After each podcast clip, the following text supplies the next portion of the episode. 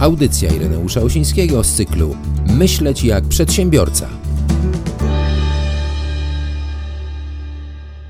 Witam serdecznie w kolejnej audycji z cyklu Myśleć jak przedsiębiorca. Jest to audycja o przedsiębiorcach, dla przedsiębiorców i z przedsiębiorcami, czyli przede wszystkim o tym, że przedsiębiorczość to stan umysłu. Dzisiaj naszym gościem jest przedsiębiorca z bogatym, ponad 19-letnim doświadczeniem w biznesie.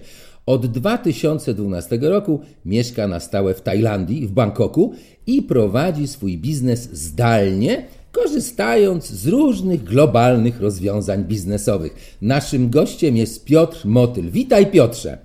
No, witaj, witaj e, Irku, witajcie moi drodzy. No, dawno mnie tutaj nie było, ale pamiętam, że już kilka razy występowałem na kontestacji, no ale może o tym później. Także myślę, że dzisiaj będzie sporo ciekawych rzeczy, to jeszcze nadrobimy. Jestem o tym święcie przekonany, ponieważ, ponieważ ja chciałem z Tobą porozmawiać ze względu właśnie na Twoje doświadczenie, ponieważ jesteś organizatorem największych polskojęzycznych konferencji na temat e-biznesu w Bangkoku i Singapurze. Jesteś absolwentem MBA i wykładowcą na Asbiro. Masz obsłużonych blisko 100 tysięcy klientów. Od 2009 roku zajmujesz się konsultingiem w e-commerce. Założonych masz pięć firm, w tym dwie poza Polską. Trzy. Tradujesz. Trzy, trzy. A Trzy trzy. Trzy. Poza Polską, przepraszam. Tak, tak. Tradujesz i inwestujesz na giełdzie w Singapurze z dostępem do 52 rynków. Tak, I jesteś też współautorem książek. Biblia e-biznesu, Biblia e-biznesu 2, Nowy Testament, która została uznana za najlepszy poradnik ekonomiczny i otrzymała pierwszą nagrodę Economicus 2014. Czyli twoje zasługi no są niekwestionowane. Ale dlaczego ja o tym mówię, Piotrze? Pozwól, że jeszcze jakoś rozkręcę to. Dlaczego ja o tym mówię? Ponieważ tak zauważyłem, że teraz z podziemi wyłażą tak zwani pomagacze, którzy, wiesz, radzą, jak poradzić sobie w obecnej sytuacji. I tak, wiesz, na pierwszy rzut oka można przypuszczać, że oni raczej nigdy nie byli w trudnej sytuacji, wiesz, ale starają się doradzać. A już ostatnio po prostu powaliła mnie postać takiego jakiegoś na oko, wiesz, 25-latka, który proponował tak zwany coaching kryzysowy. I wiesz co, rozmawiam z tobą, bo ty nie miałeś w życiu łatwo. I ukształtowały cię raczej przeciwności losu. I wiesz, i może warto by porozmawiać o początku tego kryzysu, który się nam kroi w biznesie, czyli wiesz, w jaki sposób, za, na, znaczy jak zachować spokój i balans podczas tej sytuacji. O, wiesz co, pytanie nie jest łatwe i odpowiedź myślę, że będzie złożona, ale postaram się to uprościć, przynajmniej jak tylko będę mógł. E, wiesz co, tutaj tak ładnie mnie przedstawiłeś, ale też trzeba pamiętać, że w moim życiu to, to jednak było więcej tych kryzysów, kryzysów niż e, sukcesów, bo tak naprawdę to moje życie biznesowe to jest w zasadzie pasmo porażek przedzielone pa- paskami sukcesu, tak bym to, to delikatnie nazwał. Kto prowadzi firmę, to Wiesz co, mówisz jak Michael Jordan. Wiesz co? Mówisz e, jak Michael Jordan, bo Michael Jordan właśnie mówił coś takiego, że jego życie jest pasmem porażek, że on tam kilka tysięcy razy nie trafił do kosza, tylko kilkaset razy chyba trafił do kosza. Nie? No to wiesz co, ja nie wiem jaką ma statystykę e, tutaj ten, ten, ten człowiek, ja natomiast mogę Ci powiedzieć e, z racji tego, że w zasadzie od 2000 roku jestem handlowcem i myślę, że tylko do 2006 roku, jak policzyłem, to około 30 tysięcy rozmów handlowych odbyłem po prostu jako przedstawiciel handlowy, a większość przedsiębior, większość handlowców to wiadomo, no, no nie zawsze ma te statystyki jakieś takie wysokie, jak ktoś ma tam skuteczność kilkanaście, kilkadziesiąt procent, to jest już bardzo dobrze, tak? Natomiast więcej to jest e, tych porażek i jeśli chodzi teraz o, o biznes, e, no to uważam, że, znaczy ja tak z perspektywy, jak sobie to wszystko policzyłem, to na 10 projektów, którymi się zajmuję, to 7 mi po prostu nie wychodzi. To jest klapa totalnia. Dwa wychodzi tak całkiem ok, jeden wychodzi bardzo dobrze, że zarobi na kolejne 15, tak? I dlatego trzeba o tym powiedzieć. Też jak wcześniej powiedziałeś o, znaczy tutaj e, o tych kilku firmach, które założyłem, to mogę Ci powiedzieć, że moja pi- pierwsza firma to była praktycznie klapa, jeśli chodzi o działalność gospodarczą totalnie w, w Polsce, bo to kilka lat człowiek się po prostu uczy. Potem przekształciłem tą firmę w spółkę ZO, tak? No bo tutaj musiałem zmienić e, zasady jakieś biznesowe, tak? No bo to akurat tak się dziwnie złożyło, że założyłem firmę w 2006 roku. W 2008 spot- spotkał, e, znaczy no, w 2008 to był początek kryzysu, potem 2009-2010 ten kryzys troszeczkę się rozwijał, a szczególnie młody człowiek, jak nie ma wiedzy, nie ma kogo zapytać, jak taką firmę właśnie w czasach kryzysu prowadzić, to niestety potem się generuje straty, potem pojawia się jakieś bankructwo. I teraz mogę mhm. powiedzieć tak z perspektywy, z racji tego, że nauczony jestem tego, że każda porażka e, po prostu jak się umiejętnie na nią popatrzy, to, to, to wnosi coś dobrego. Ja też staram się w ten sposób patrzeć, tak? Nie jest łatwe to na początku, bo tak jak no mamy teraz taką sytuację, że większość ludzi nie wie co robić, tak, bo praktycznie łańcuchy dostaw są wszelkie globalne, zerwane. Wielu ludzi, e, no szczególnie młodych, e, no teraz gdzieś tam naczytało się książek, e, często amerykańskich, a te amerykańskie książki no nie przystają za bardzo do rynku polskiego, bo to też trzeba o tym pamiętać.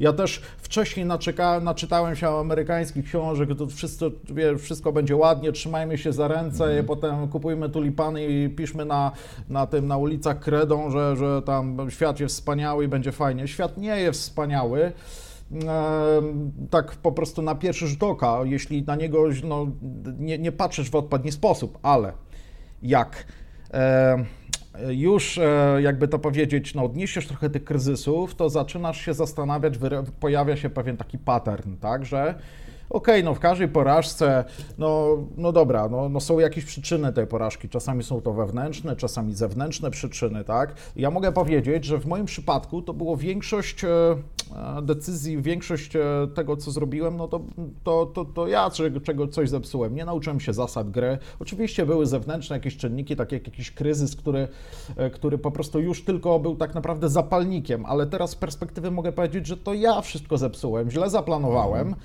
I dopiero później, jak miałem czas na to, żeby się trochę zastanowić i wyciągnąć wnioski, to dopiero przyszły rozwiązania. Tutaj chciałbym taką e, ciekawostkę też e, tutaj może mm, opowiedzieć, właśnie taką anegdotę. W 2012 roku, jak tak, no tam wcześniej zamknąłem moją firmę, potem przeorganizowałem ją na taką zdalną firmę, też skorzystałem z rozwiązania spółki brytyjskiej, zdalny magazyn, e, tutaj po prostu taka zdalna logistyka na zasadzie fulfillmentu, to mi pozwoliło działać e, zdalnie. Ale kupiłem sobie czasu i nadal e, nie wiedziałem, co ja dalej chcę robić, tak? I później praktycznie potrzebowałem chyba z rok czasu na to, żeby w ogóle znaleźć jakąś taką drogę, wiedzieć, w którym kierunku iść, mieć czas na to, żeby się zastanowić, co ja tak naprawdę zepsułem wcześniej. No i kiedyś właśnie spotkałem e, takiego mnicha, który a tak zobaczył, że ja ciągle gdzieś o czymś myślę, ciągle jakieś sprawy niezałatwione, wiele projektów, za wiele projektów się zabieram, wiele jest nieskończonych i powiedział mi taką rzecz, znaczy taką anegdotę, mówi, słuchaj, wyobraź sobie, że twoje życie to jest jak wielkie wiadro z mętną wodą, e, no i w tym wiadrze pływają czekoladki, to są te dobre decyzje, i pływa kupa, no, kawałki kupy, czyli to są błędne decyzje. No i teraz tak, jak jest mętna woda, bo ty cały czas trzęsiesz tym wiadrem, albo pozwalasz, żeby inni trzęśli tym wiadrem, typu tam, nie wiem, urzędy, kryzys, informacje, media, wszyscy inni, i ty musisz podejmować decyzje, bo ci, nie wiem, bo musisz żyć, bo musisz zarobić, bo, bo masz jakieś tam swoje cele, to tak naprawdę to losujesz na ślepo. Więc lepiej zrobić tak, że lepiej się uspokoić, poczekać, poczekać aż, że tak powiem, muł opadnie i wtedy od razu widzisz, co jest czekoladką, co jest kupą. ja dokładnie tak samo zrobiłem. I potem już okay. E, podjąłem kilka innych decyzji. Ale powiedz mi, ale jak to zrobiłeś? No bo wiesz, fajnie jest powiedzieć, tak, że się uspokoić, ale jak to zrobić? Może masz jakiś... Bo wiesz, bo teraz wielu ludzi jest y, w sytuacji psychicznej, tak. nieciekawej. Zwłaszcza jeszcze media się do tego dokładają. Ludzie są roztrzęsieni, ludzie nie wiedzą, w co wierzyć, w co nie wierzyć. Ale jak się uspokoić? Jak ty to zrobiłeś? Jak ty powiesz, jak to zrobiłeś, to może w jakiś sposób ktoś coś z tego sobie wyciągnie dla siebie. Dobrze, że o to pytasz. E, właśnie, wspominałem wcześniej, że jest wiele amerykańskich książek, które nie pasują za bardzo do naszego rynku i, no i nie bardzo, że tak powiem, Polacy mogą to zastosować e, w praktyce. Ja natomiast no, też przerobiłem no, masę tych książek od Kosakiego poprzez 4 godzin tydzień pracy Tima Ferisa i tam było takie fajne rozwiązanie, dieta informa niskoinformacyjna, czyli po prostu odciąć się od wszelkich możliwych jakichś wiadomości, e, po prostu e, zbędnych, znaleźć sobie dosłownie, może utrzymywać kontakt tylko z kilkoma autorytetami e, czy mentorami, którzy są powiedzmy w jakiejś dziedzinie, mają wiedzę i doświadczenie, najlepiej życiowe, takie, takie długoletnie. I po prostu tak, odciąć się maksymalnie od wszelkich jakichś informacji, i po prostu puścić myślę, myśli dosłownie e, wolno. I najlepiej jest to, e, powiem Ci taką rzecz, że też dostałem, e, znaczy w, w klasztorach buddyjskich jest, są takie, jakby to powiedzieć, traktują to jako takie, znaczy są takie obozy, retreaty, że dosłownie idziesz tam na 10 dni, zamykają cię dosłownie w 4 metrach kwadratowych, nie masz telewizora, książek, nic, musisz, jesz dwa razy dziennie, e, masz dwa posiłki dziennie, nie masz kartki długopisu.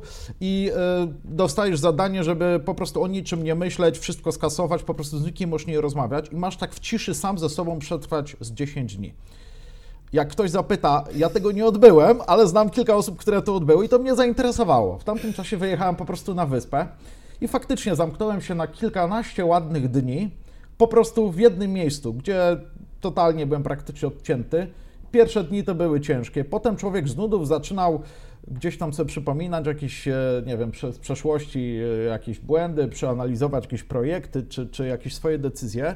I nagle później po prostu, wiesz, jak puścisz umysł wolno, to nagle przychodzą ci e, takie rozwiązania. Najciekawsze jest to, że mało kto o tym pamięta, że wiesz, budzisz się rano i masz dosłownie powiedzmy takie 100 dolarów emocjonalnych. I teraz tak, jak wiesz, tu dostajesz z mediów jakieś negatywne informacje, każda negatywna informacja zabiera ci te dolary emocjonalne. Oczywiście to jest meta, taka metafora, mhm. tylko chodzi mi o to, żeby to zobrazować. I im więcej tych negatywnych e, masz emocji, tym więcej po prostu, tym masz mniej energii takiej pozytywnej na tworzenie. A energia żeby coś stworzyć, wymyśleć jakiś nowy pomysł, to możesz to tylko stworzyć, kiedy po prostu masz takie flow, kiedy e, po prostu masz jakąś taką pozytywną energię. Czasami, no nie wiem, może to być dosłownie gdzieś, nie wiem, na spacerze, wtedy, kiedy nic nie robisz takiego obciążającego niczym nie, nie przejmujesz się, nagle to po prostu myśli zaczynają płynąć. I tak było właśnie u mnie. To wiesz co to, bo tak mi przyszło do głowy, że może ta kwarantanna obecna. Właśnie o tym chciałem powiedzieć. Słuchaj, jest Dokładnie tak. jakimś tak. zbawieniem, tylko że coś mi się wydaje, że w tym wszystkim, o czym ty mówisz, przeszkadza prąd i internet, wiesz, i telewizja. Tak. Bo tak. gdyby kompletnie wszystko odciąć, czyli na przykład jak byłby jakiś, nie wiem, jeszcze dodatkowo wybuch na Słońcu w tym momencie i ten impuls elektromagnetyczny... No już nie przesadzaj, nie przesadzaj już, daj ludziom to, żyć. Słuchaj, to może ludzie by odżyli wtedy i wtedy by zaczęli rozróżniać dobre rzeczy od złych rzeczy, tak jak to w bajkach jest dla dzieci, nie? Tam jest jasna sytuacja. To jest złe, a to jest dobre. A potem w trakcie życia to wszystko się zaciera, nie? To powiedz, co ty o tym sądzisz? Czy ta kwarantanna, w której teraz są ludzie, da im coś do myślenia? Poradzą sobie w jakiś sposób? Wiesz co, nie ma tutaj jednej dobrej odpowiedzi. To wszystko zależy, jakie ktoś ma myślenie, jak sobie to wszystko zaplanował, czy przyjmie postawę taką, że coś z zewnątrz miało wpływ na jego życie, ktoś mu coś zabrał, czy on jest e, tutaj odpowiedzialny za swoje życie. I generalnie prawda jest taka, w mojej ocenie, tak to się wszystko kształtowało, że w momencie, kiedy wziąłem odpowiedzialność za to, że to tak naprawdę ja wszystko zepsułem, bo się nie przygotowałem do tego, to ten kryzys, czy po prostu te straty mnie po prostu to wszystko dotknęło. A teraz mogę Ci powiedzieć taką rzecz, że przez taką wiedzę, jaką mam e, i przez to, że wiem, jak, e, z jakich rozwiązań takich światowych można korzystać, to możesz sobie tak zaplanować biznes, żeby po prostu nawet na, w czasach takich kryzysu po prostu przetrwać. Ale co rozumiem przez te światowe takie rozwiązania? Bo to też chciałbym Ci opowiedzieć taką y, zupełnie inną metaforę, która po prostu tak naprawdę była, znaczy w ogóle taką sytuację, która się wydarzyła naprawdę i no, była dla mnie dos- totalnie objawieniem. Wyobraź sobie, że no ja po prostu wcześniej tak, nie miałem czasu na podróże, ale potem jak już podróżowałem, to cały rok. No i Azja ma coś takiego do, do, do po prostu do siebie, że to jest tak, mało takich małych restauracji przydrożnych, które się specjalizują tylko w jednej potrawie. Nie wiem, robią jakiegoś kurczaka, robią e, po prostu, czy tam jakąś tam sałatkę z jakimiś trzema sosami i tyle. No i byliśmy ze znajomymi akurat w jakiejś restauracji, no i tak zamówiliśmy sobie jakieś tam jedzonko. No i okej, okay, no ale wiesz, no chcielibyśmy się piwa napić, no ale pani mówi, że nie ma tego piwa, no, no to mówię, to może coli, no ale też nie ma tej coli, no to mówię, ale co musiałoby się stać, y, żeby, przecież pani może zamówić, no ona mówi, no tak, oczywiście, to, to poczekajcie sobie, tutaj poszła do innego sklepu, przyniosła nam piwo, to komu innemu przyniosła Coca-Colę, oczywiście zapłaciliśmy za to, byliśmy zadowoleni. I teraz o co chodzi? Popatrz, i popatrzyłem na to, że e, niby człowiek się zajmuje jedną jakoś taką rzeczą i powiedzmy nie chce mieć piwa, bo może nie mieć e, klientów, ale było łatwo dostępne gdzieś obok i wpadłem na pomysł, że możesz potraktować świat jako menu takie biznesowe, wybrać sobie to, co ci się podoba. I jaki był mój pomysł? przez to, że jestem Polakiem, mój pomysł był taki, żeby się zabezpieczyć przed kryzysem, a sporo ich w życiu przetrwałem, to chodzi o to, żeby wybrać te rozwiązania, które są efektywne, które są niskokosztowe, które działają w innych krajach i żeby to mogło działać. Mianowicie, jak mam to teraz zorganizowane? OK, jestem Polakiem, no bo mam tutaj paszport europejski, to do 150 kilku krajów mi to e, pozwala wyjeżdżać praktycznie bez jakiejś takiej wizy. No wizę oczywiście mogę tam dostać jakoś na lotnisku, czy, czy... ale jest to generalnie uproszczone. Mhm. I teraz tak, mieszkam sobie w Tajlandii, ale to też dlaczego? Bo ja na przykład raz, że nie lubię zimy, e, tutaj ciągle gdzieś tam w Polsce chorowałem, wszelkie jakieś alergie, a tutaj lekarz mi powiedział, albo się pan męczy całe życie na antybiotykach, albo się przynosisz pan do klimatu tropikalnego. Mówię, dobra, tylko jaki jest kolejny problem? W Tajlandii nie jest łatwo dostać pracy. Praktycznie obcekrowiec nie może tej pracy dostać, bo jest lista zawodów zakazanych, powiedzmy 95% i nie możesz pracować, więc zostaje tylko praca zdalna albo po prostu działanie zdalnie, czyli sklep internetowy, możesz bloga prowadzić, możesz działać w programach partnerskich, możesz prowadzić, nie wiem, sprzedawać na Amazonie, wiele różnych rzeczy e, można robić w ten sposób. No i wtedy, no tak, no dobra, ale wtedy nie znałem angielskiego, tak? No dobra, no to, y, to zrobiłem tak, że założyłem, tak, y, na przykład to, co mogę powiedzieć, przez to, że znam polski rynek, to mogę sprzedawać na polski rynek, ale nie chcę tam prowadzić firmę za żadne, za żadne skarby. No bo raz, że przedsiębiorca jest traktowany powiedzmy ciągle jako złodziej, ciągle są jakieś kłody, tak? Ciągle obciążenia wysokie fiskalne i koszty przy okazji i strata ma masę czasu. W tamtym czasie, to był rok 2012, bardzo dobrze działało to, że można było mieć spółkę Wielkiej Brytanii, tak? Można było mieć spółkę Wielkiej Brytanii, sprzedawać na rynku w Polsce. Przekształciłem e, tutaj moją firmę, która sprzedawała części zespołu GSM. Jest o tym film na YouTube, na, na kanale Asbiro, jak ktoś chce zobaczyć, to zapraszam i skorzystałem z zewnętrznego magazynu, czyli to jest taki fulfillment, e, że taki zdalny magazyn, który zajmuje się tylko magazynowaniem, wysyłką towaru, e, system komputerowy jest gdzie indziej, firma jest gdzie indziej, a ja mieszkam sobie gdzie indziej. No, no i tak, okej, te kilka ładnych e, lat to, to tam dodziała, do 2015 gdzieś tam roku. I potem tak, przez to, że nagle potem się pojawia inny problem, bo nagle zaczynasz więcej zarabiać, no też masz jakieś limity i w ogóle. No ale przez to, że na przykład wiesz jak, e, wiesz, jak działa prawo terytorialne na przykład w Azji, typu Singapur, Hongkong, Malezja, że tam na przykład firma, która może być nie, w Emiratach Arabskich czy w Hongkongu, wszystko to, co zarobi poza danym terytorium, ma całkowicie zwolnione z opodatkowania. Utrzymanie takiej firmy to jest 2,5-3 tysiące dolarów rocznie, całkowicie z księgowością, żadnych ZUS-ów, KRUS-ów nie ma, tak?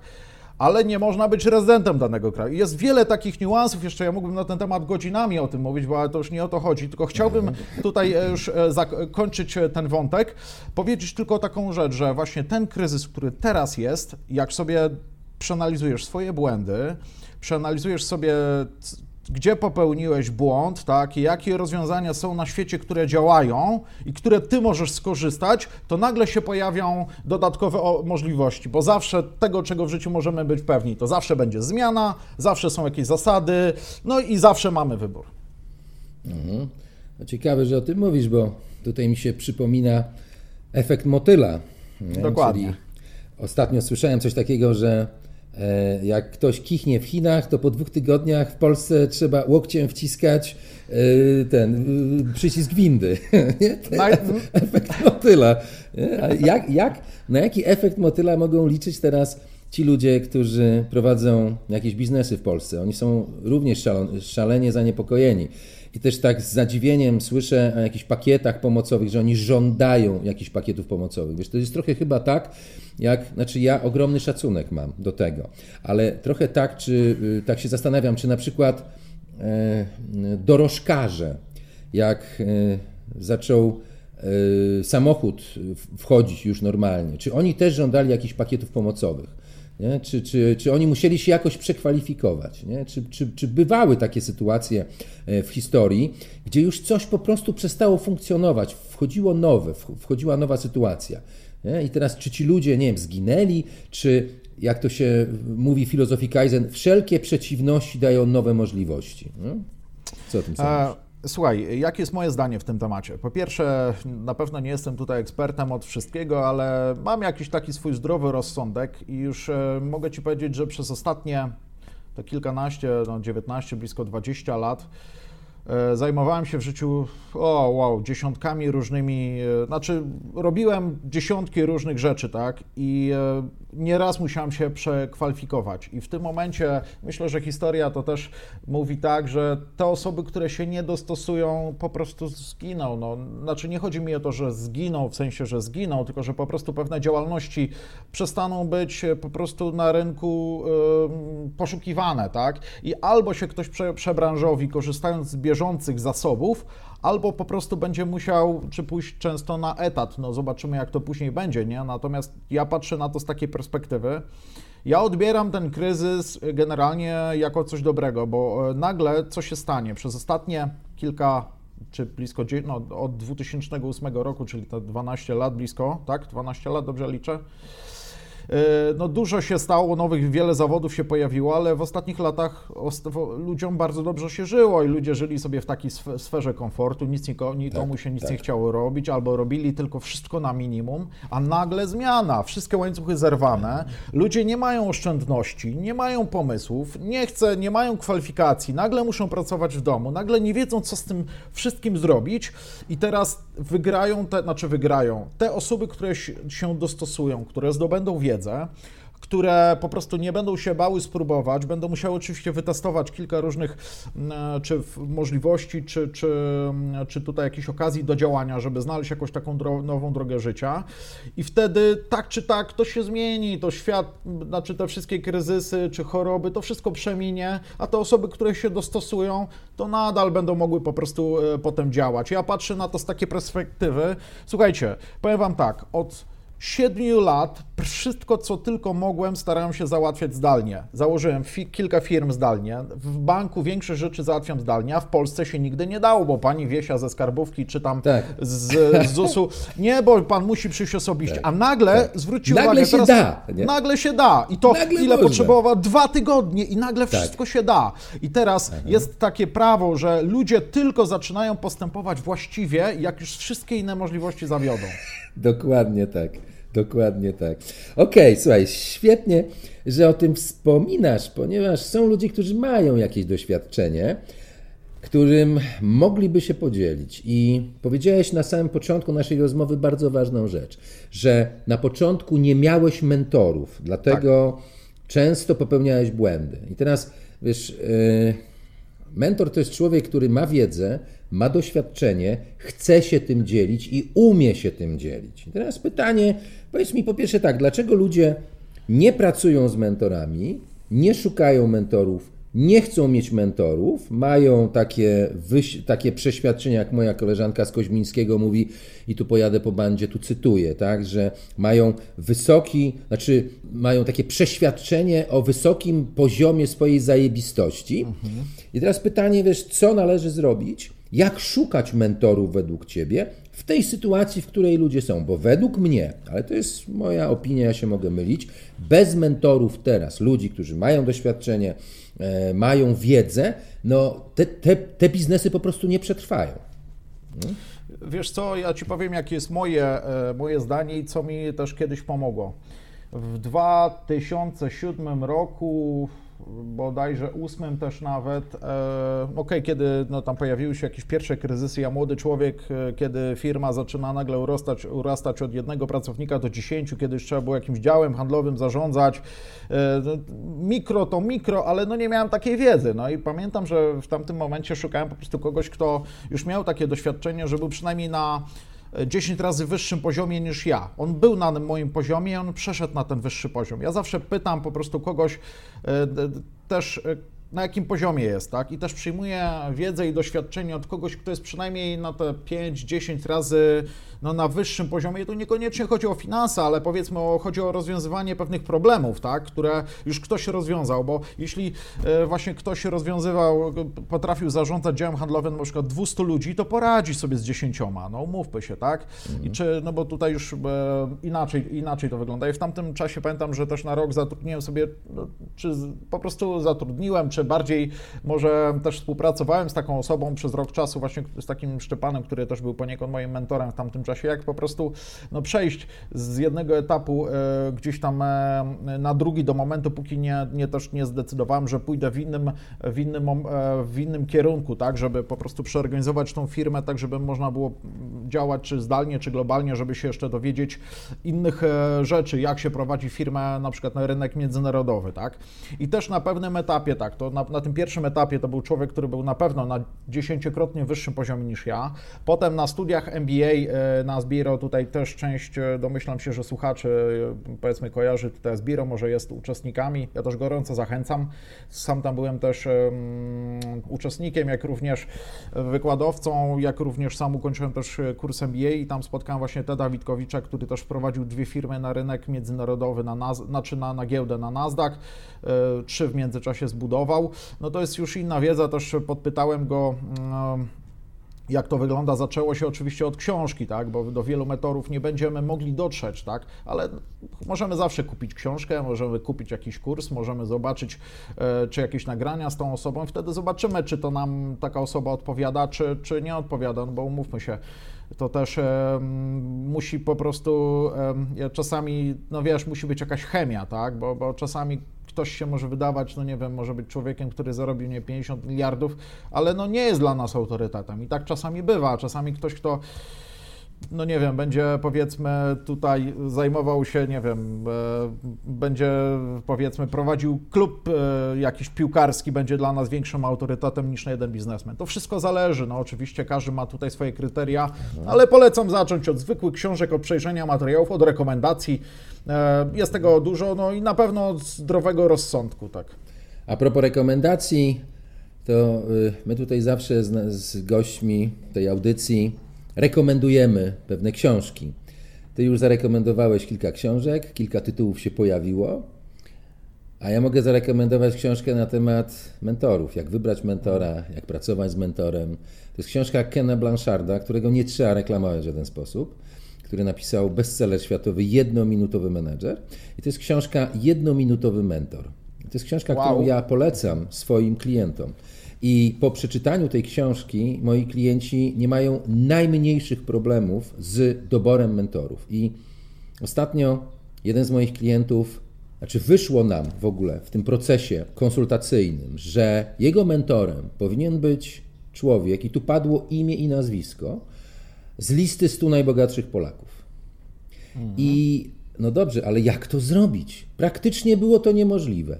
Potrzebowaliśmy niecałych dwóch miesięcy na to, aby ten człowiek został mentorem mojego klienta. Także muszę Ci powiedzieć, że mm, ten, znaczy ja akurat tak mówię o tym mentoringu, bo to jest rzecz nowa w Polsce. Y, mentor nie jest coachem, mentor nie jest psychoterapeutą, mentor jest mistrzem, który, bo też to nawet Jacek Walkiewicz kiedyś coś takiego powiedział, że to gówno prawda, że trening czyni mistrza że mistrzowski trening czyni mistrza, bo można być mistrzem w robieniu czegoś źle. No i jeżeli masz takiego mentora, no to sam będziesz robił to źle, tak jak ten mentor robił. Tak? Jest wielu mentorów, którzy mówią, że życie jest parszywe, ludzie są wredni, a potem się umiera. Na, na pęczki masz takich mentorów. Nie? E, I też jest taka, taka książka, którą też rekomenduję Antoniego de Mello, bo mówiłeś tutaj trochę o buddyzmie dzisiaj, o takim rozwoju duchowym. Antony de Mello to była książka, którą ja przeczytałem, jak byłem chyba, nie wiem, w pierwszej klasie liceum. E, Przebudzenie. I na samym początku tej książki jest taka bardzo fajna historyjka o farmerze, który poszedł w góry i w opuszczonym orlim gnieździe znalazł jajko. Żal mu się zrobiło, wziął to jajko i zabrał ze sobą i wrzucił kurą do kurnika. Jedna z kur wysiedziała to jajko, wylęgło się coś, no wiesz, do kury niepodobne, coś obrzydliwego, ale ta kura tą kurzą miłością wychowała tego orła. I ten orzeł wzrastał w tym kurniku z przeświadczeniem, że jest kurą. I wiesz, te kury tam go nauczyły, jak tam, prawda, grzebać za robakami i tak dalej, dziobać tam w tym. I kiedyś, któregoś dnia ten, ten orzeł wychodzi na podwórko, patrzy w niebo, a po niebie szybuje taki piękny, wielki, rozłożysty ptak. I on zamarzył, że on by też tak chciał. Jak to kury zobaczyły, to go dopadły i mówią, co ty tam tak patrzysz?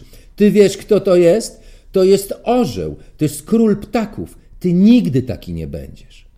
I wiesz, i ta historia, ja ją będę pamiętał do końca życia, bo ta historia i w ogóle Antony de Mello trochę mnie ukształtował w życiu. Ja inaczej zacząłem patrzeć na stosunki, na relacje, na y, środowisko, którym się otaczam.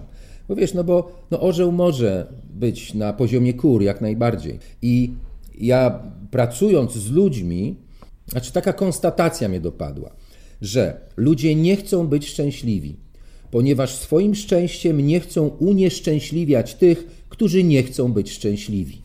Wiesz? I ciężko jest czasami zmienić środowisko. Ludzie czasami sabotują swoje wysiłki, dlatego żeby nie krzywdzić tych ludzi, którzy ich krzywdzą. Nie? Trochę to chore, ale wiesz, no, miejmy nadzieję, że, bo tak trochę wszedłem w taki nastrój minorowy trochę, ale słuchaj, wszelkie przeciwności dają nowe możliwości. Ja Ci, Piotrze, jestem wdzięczny bardzo za tę rozmowę. E, ta rozmowa e, niech będzie wstępem do naszej przygody. E, spotykajmy się co dwa tygodnie, co miesiąc, rozmawiajmy na temat tych rzeczy.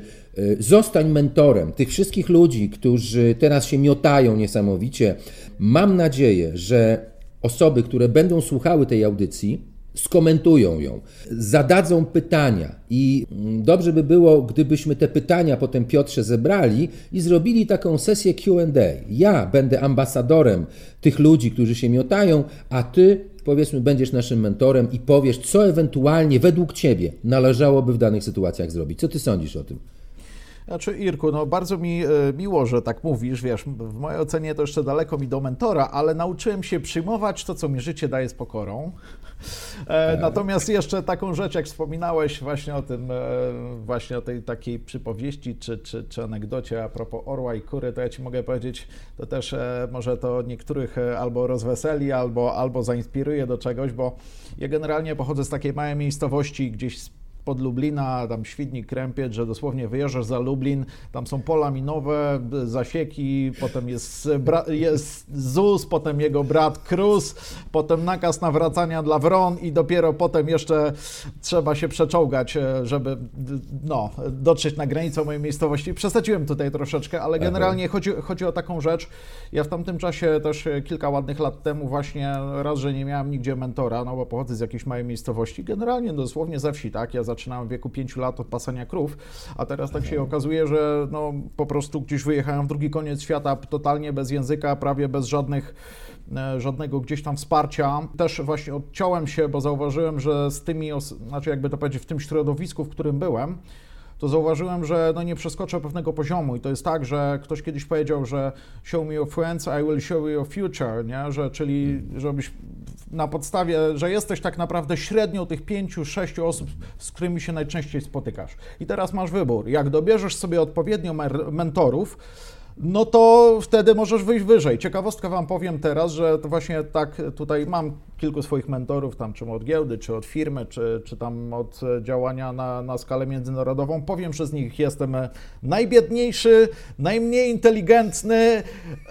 mówiąc otwarcie i, i teoretycznie jeszcze najmniej wykorzystuję możliwości, ale to mnie motywuje do tego, żeby wzrastać, bo, no bo dla nich to są pewne rzeczy, które oni już byli na tym poziomie, a mi, dzięki temu mi jest łatwiej, tak? I, i wtedy właśnie jest to, co ty powiedziałeś, że jak się dobierze odpowiednio mentorów, to wtedy e, oni nie będą obniżać e, swojego, znaczy jakby to powiedzieć, twojego poziomu, czy nie będą cię ściągać w dół, tylko będą cię ciągnąć do góry. No Także no to chciałbym Nie można być zbyt oględnym przy wyborze swojego środowiska. Dokładnie. Jest jeszcze taka książka, o której ja często mówię, Jima Collinsa, Good to Great, od dobrego do wielkiego, gdzie tam Jim Collins przeprowadził badania z liderami z szefami firm, które wzrastały przez 15 lat non-stop. Nie, nie miało znaczenia, czy był kryzys, czy nie kryzys, i on się przyjrzał. Dlaczego te firmy wzrastały? Dlaczego te firmy ciągle się rozwijały, pomimo tem, tego, że inne firmy padały na pysk? I co się okazało, że i to statystyki mówiły, że te firmy, że tutaj chodziło o pewien model zarządzania, o pewien sposób myślenia. I te firmy miały na czele liderów nie menadżerów, ale liderów, którzy wyznawali taką teorię okna i lustra. Mieli, znaczy mieli trzy cechy. Skromność i pokora, to jest pierwsza cecha. Ogromna siła i determinacja, i o tym pisze właśnie Jim Collins w tej książce. Ja dodałem jeszcze, że to byli ludzie, którzy wierzyli w to, że w życiu nie ma nic za darmo. A ponieważ Bóg trójku lubi, trójki się doskonale kotwiczą w naszym umyśle, to te trzy elementy według mnie są bardzo ważnymi elementami w tym, aby osiągnąć sukces, żeby oceniać sytuację, ogarniać sytuację, która nas dopada, nie wpadać w panikę, bo też e, kiedyś mój, jeden z moich mentorów właśnie, Grzegorz Turniak, któremu będę wdzięczny do końca życia, powiedział, e, jeżeli chcesz coś zrealizować, jakiś projekt, czy jesteś w trudnej sytuacji i nie masz wokół siebie kilku, kilkunastu przynajmniej przyjaznych ci ludzi, to po tobie, to będziesz kroczył samotnie. I teraz takie dwie kompetencje bardzo ważne, o których ja trąbię od wielu lat. To jest po pierwsze umiejętność budowania relacji i komunikacja. I tego, coś mi się wydaje, obecnie ludziom brakuje. I widzę, jak dzwonią do mnie na przykład znajomi prowadzący firmy i w panice pytają się, co oni mają teraz zrobić, że teraz jak oni mają na gwałt zbudować relacje. Wiesz, ale relacji nie buduje się na gwałt. Oczywiście. To jest proces. Jest takie e, przysłowie chińskie, które mówi: wykop studnie, zanim będziesz spragniony. Czyli buduj relacje, zanim będziesz ich potrzebował. Nie? A na gwałt, no to się nie da. Ludzie, ludzie, wiesz, kopią studnie dopiero wtedy, kiedy się pali, ale to już jest za późno. Piotrze, bardzo Ci dziękuję za tę rozmowę. Spotkamy się za dwa tygodnie i pociągniemy ten temat dalej. Zobaczymy, jak się w ogóle będzie sytuacja rozwijała na świecie. No i będziemy potem komentowali to wszystko.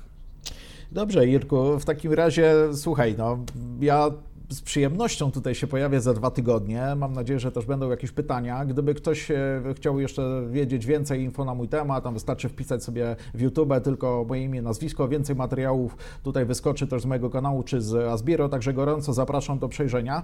A myślę, że w najbliższych tygodniach no, jest kilka takich kwestii, o których mógłbym się spokojnie z Wami podzielić. Może to kogoś zainspiruje, może to kogoś, że tak powiem, albo zniechęci do, do, do działania w pewien sposób, albo po prostu za, jak jakby to powiedzieć, e, no zbuduje mu wiarę, że jeszcze ciągle coś można i nawet jak ktoś gdzieś będzie na samym dnie, to że może się podnieść i zbudować sobie fajne, wspaniałe życie. Także Irku, jeszcze raz bardzo dziękuję, dziękuję Wam wszystkim, no i życzę udanego dnia. Fantastycznie, pozdrawiam Cię serdecznie i do usłyszenia, do zobaczenia. Do usłyszenia, pozdrawiam.